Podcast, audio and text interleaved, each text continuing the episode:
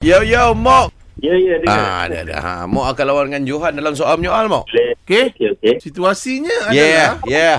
pelajar universiti yang uh, sedang study.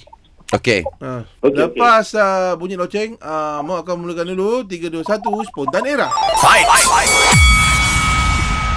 Hmm, Johan, kau saya apa hari ni? Kenapa kau nak tahu?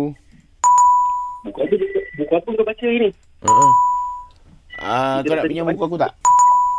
Ah, lepas tadi kita kat mana lah? Ada janji nak keluar ke?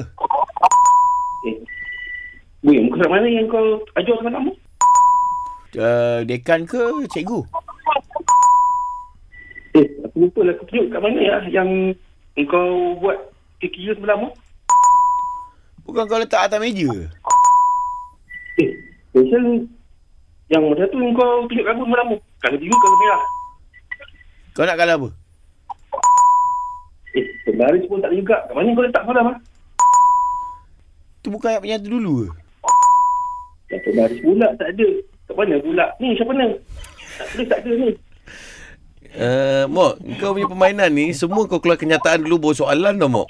Kalau ikut rule tak boleh lah kan.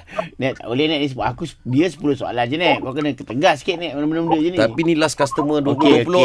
okey, okey. Last customer 2020 kan. Okey, apa dia? Apa dia kau cakap tadi soalan tadi? Siapa ni? Kat mana kau letak tadi?